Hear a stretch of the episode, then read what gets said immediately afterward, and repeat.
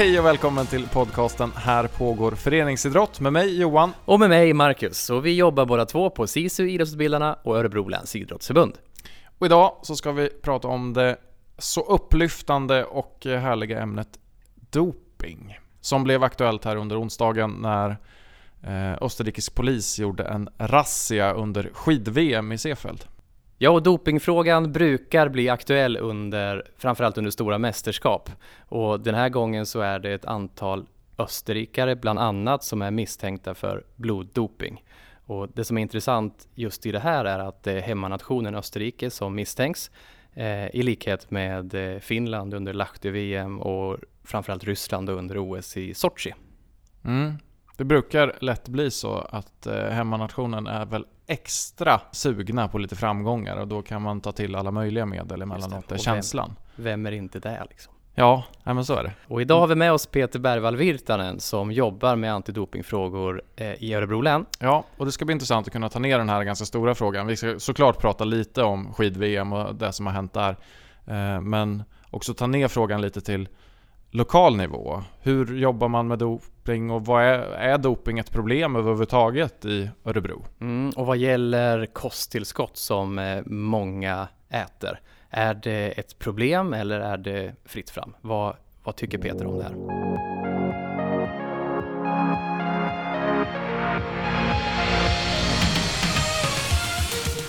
Då säger jag välkommen till Peter Bergvall Virtanen.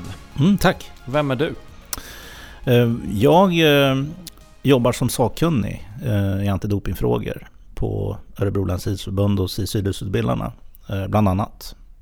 Så jag har lite olika funktioner i antidopingarbetet. Det är den ena och den andra är att jag även är en av Dopingkommissionens dopingkontrollanter. Så jag har jobbat med det här sedan 1996, så det har blivit några år.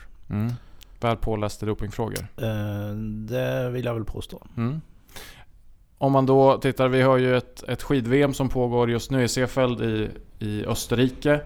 Eh, och alldeles, alldeles nyss, precis innan vi gick in i inspelning här, så eh, uppdagades det att det har varit en, en dopingrazzia och fyra stycken ledare, fem stycken aktiva har blivit intagna på förhör. Hur reagerar du när du hör sådana här nyheter?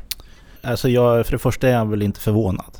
Alltså det, det stora mästerskap, det brukar vara ett eller annat eller flera dopingfall. Eh, det som är intressant kanske i det här perspektivet det är ju att det är eh, polisen som har gjort det här arbetet. Eh, så det är ju inte, de är ju inte fällda av, av, av dopingkontrollanterna. Och nu är de ju inte liksom fällda heller utan de är intagna för förhör och vi får väl se var det landar. Men att just polisen agerar så, så kraftfullt kring VM är ju ett intressant aspekt att man sam samarbetar för att få bort dopingen från, från deras sida. Ser du det som något positivt? Absolut, mycket positivt.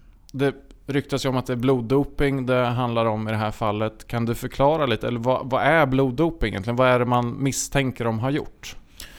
Ja, på något sätt har de manipulerat eh, i så fall med eh, med eh, sitt blod. Och eh, då är det ju företrädesvis eh, att manipulera för att få mer röda blodkroppar som ju är syrebärande till muskulaturen för att öka syreupptagningsförmågan helt enkelt. Och det kan man göra på lite olika sätt.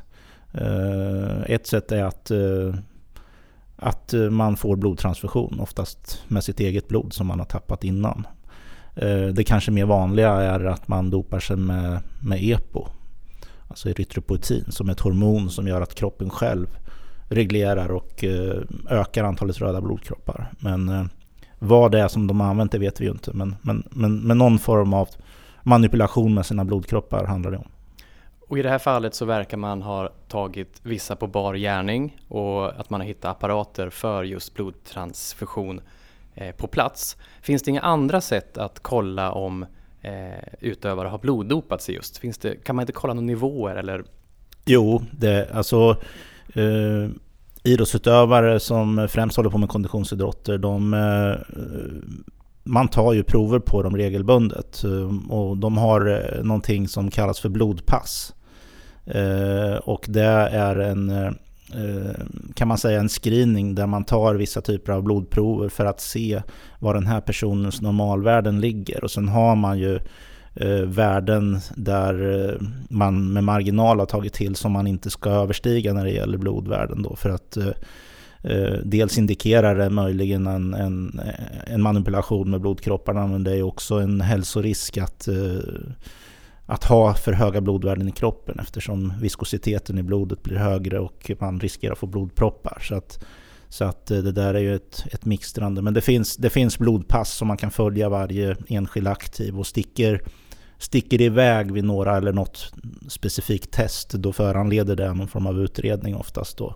Och varje gång sånt här uppdagas, det händer ju lite titt som tätt, så eh, det känns som att idrotten får sig en, en trovärdighetstörn varje gång sånt här Eh, dyker upp.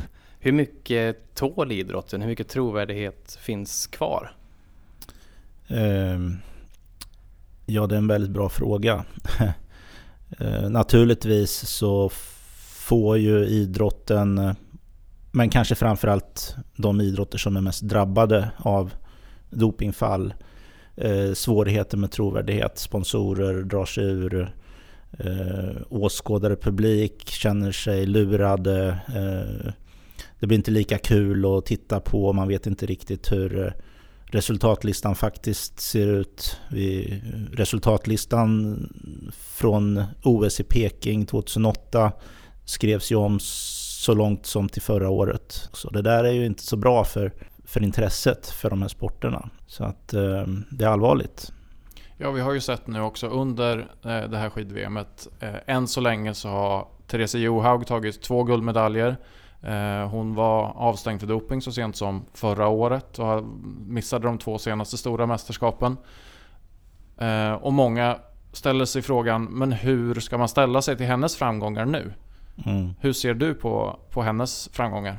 Om jag, om, jag, om jag ger en personlig åsikt i det då, eh, så, så kan jag väl, och med den, den kännedom jag har om hur, hur vad hon, vad hon hade i kroppen. Så, så dels så tycker jag att det låter som att hennes eh, förklaring är rimlig.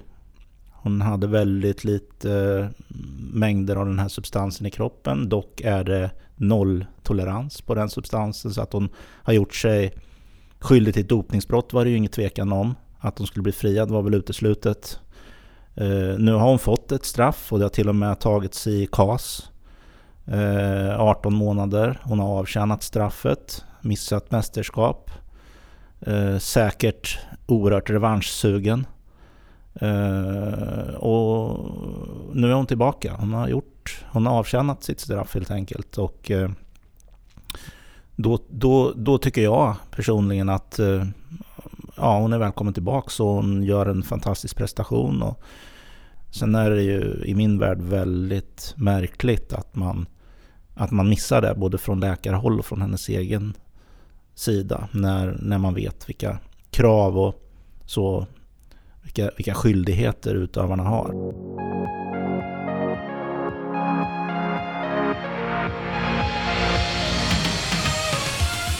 Men om vi tar ett steg tillbaka Peter, kan du förklara för lyssnarna vad, vad är doping? Eh, doping är egentligen eh, olika sätt att försöka förbättra sin prestationsförmåga på ett sätt som inte är tillåtet. Och det som inte är tillåtet är ju eh, någonting som eh, man kom överens om i en organisation som heter WADA, World Anti-Doping Agency, som är en världsomspännande organisation som jobbar för harmonisering och, av både regelverk och kontroller och så vidare. De, de avgör vad som ska klassas som doping. Eh, och det publiceras då en, en dopinglista med substanser och metoder som är förbjudet. Eh, helt enkelt. Så att doping är det som är klassat som doping av WADA. Kan man vad är det som avgör vad som, vad som klassas som det då? För att man kan väl se att det sker förändringar i de här listorna också antar jag. Att det ja. tillkommer vissa preparat som inte har varit dopingklassade tidigare. Jag kan, inte, jag kan inte egentligen eh, exakt, men det finns ett antal parametrar som man, man tittar på när man bedömer om en substans ska tas bort eller läggas till på listan. Eh, och, och en av dem är ju naturligtvis om den är prestationshöjande, såklart. Men det kan också vara sånt som att den är eh, hälsovådlig, att den kan skada liksom, hälsan som gör det. Eh, så, så, att, men det är väl främst de två. Eh, Det har ju varit en viss debatt kring det här med astmamedicin och sådana här Mm. delar. Att det är vissa som, eh, som tar det Mm. som kanske inte skulle behöva det egentligen. Mm, ja, absolut. Och det, det har ju varit en stor debatt och segran idag på 15 km i VM har ju varit i blåsväder för det till exempel. Och det har gjorts en hel del studier på det här med, med astmamedicinering. Eh, Eh, och, och just astmamedicinering är ju lite lurigt för vissa av astmamedicinerna är ju tillåtna att använda men de är bara tillåtna att ha i kroppen upp till en viss nivå av substans när man lämnar prov. Så att det gör det väldigt svårt för utövare att veta om de är på rätt eller fel sida den här gränsen. Eh, sen har man tittat på om, om, om de här astmamedicinerna verkligen har effekt på någon som är, inte har astma. Och det är väldigt begränsad effekt på, på, på det och un, under vilka förutsättningar man har fördel av det. Eh, man har tittat på studier där man har kraftig hög dosering av astmamediciner, vad det får för effekt och, och kommit fram till att det kanske framförallt har en, en effekt på, på, på alltså explosivitetsutvecklingen i muskulaturen förrän än att det har någon form av andningsfrämjande effekt.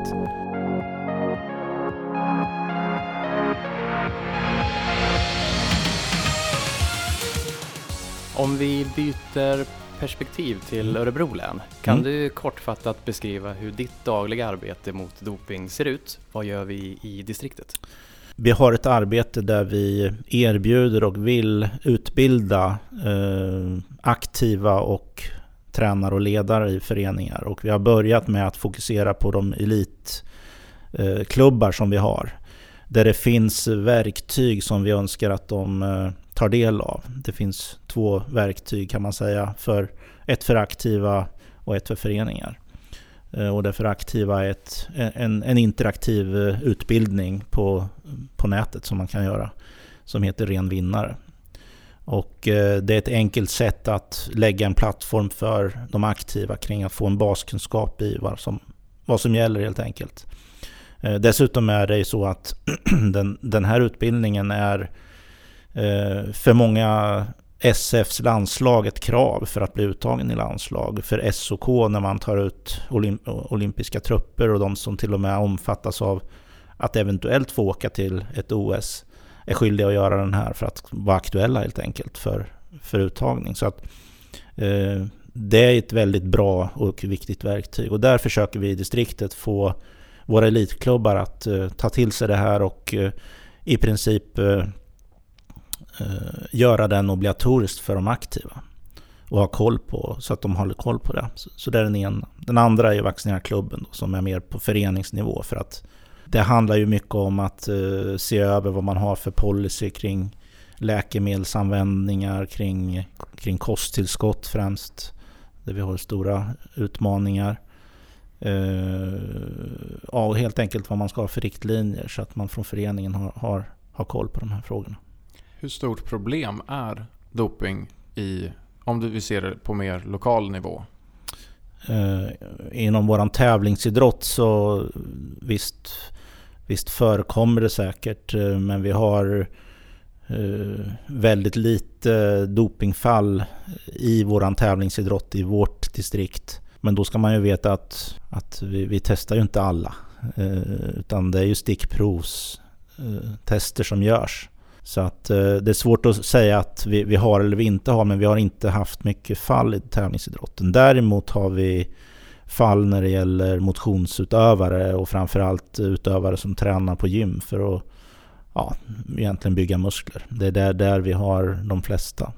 Du nämnde kosttillskott tidigare, Mm. att föreningarna kan ta fram en policy kring användandet av kosttillskott. Mm. Eh, varför är kosttillskott ett bekymmer?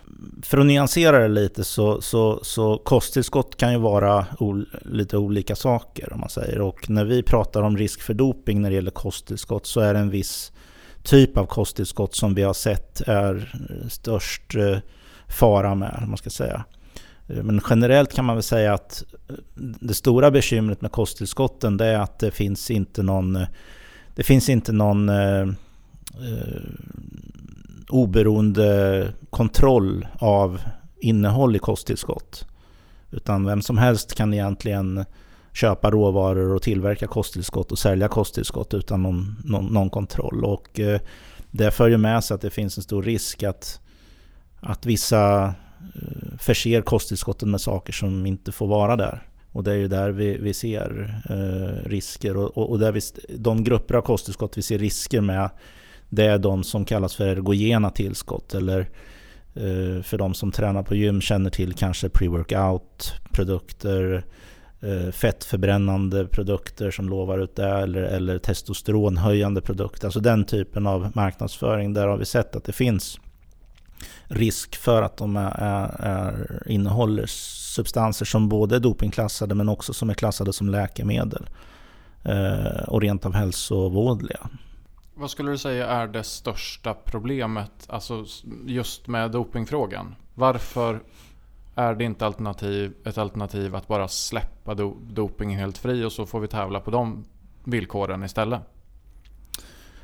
Ja, jag har varit i en diskussion om det där tidigare och eh, jag, jag ser det ju ur ett perspektiv där idrotten på något sätt har en, en, en värdegrund i en, en, en, en sund själ i en sund kropp och, och, och, och tävla på, på lika villkor och hälsoperspektivet. Och jag tänker också på hur vi ska kunna argumentera för en fri dopingvärld i vuxenidrotten när vi har väldigt mycket barn och ungdomar som idrottar.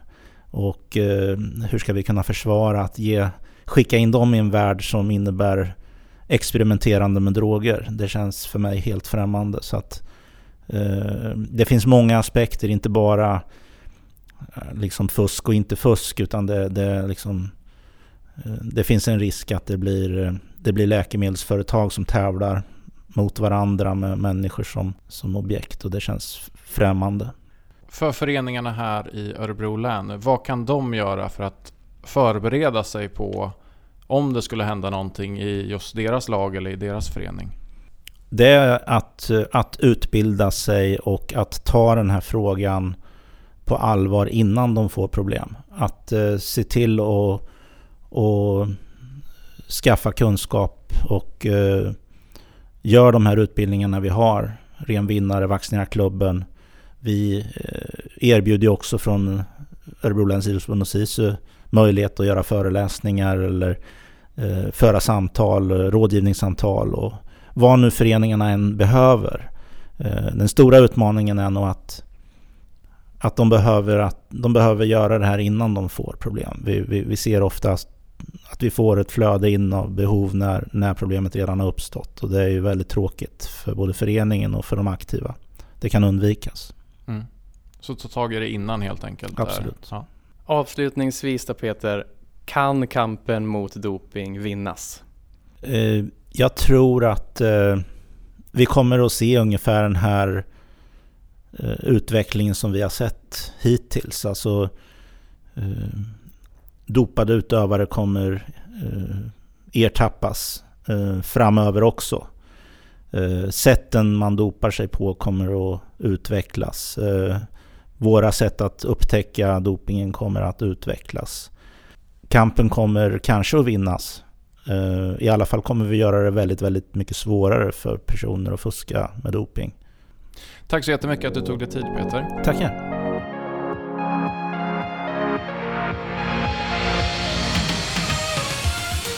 Du har lyssnat på ett avsnitt av podcasten Här pågår föreningsidrott som görs av SIS idrottsutbildarna i Örebro och Örebro läns idrottsförbund. Idag så har vi pratat om dopingfrågan både på ett internationellt och på ett lokalt perspektiv tillsammans med Peter Bergvall Virtanen som jobbar här hos oss på Örebro läns idrottsförbund och SISU idrottsutbildarna. Vill du ta kontakt med oss och få möjlighet att ställa frågor eller komma med dina åsikter så får du jättegärna göra det på vår mejladress podd olif.se podd olif.se Det går också jättebra att lämna kommentarer på vår Facebook-sida Idrott Örebro län. Vi hörs igen nästa vecka.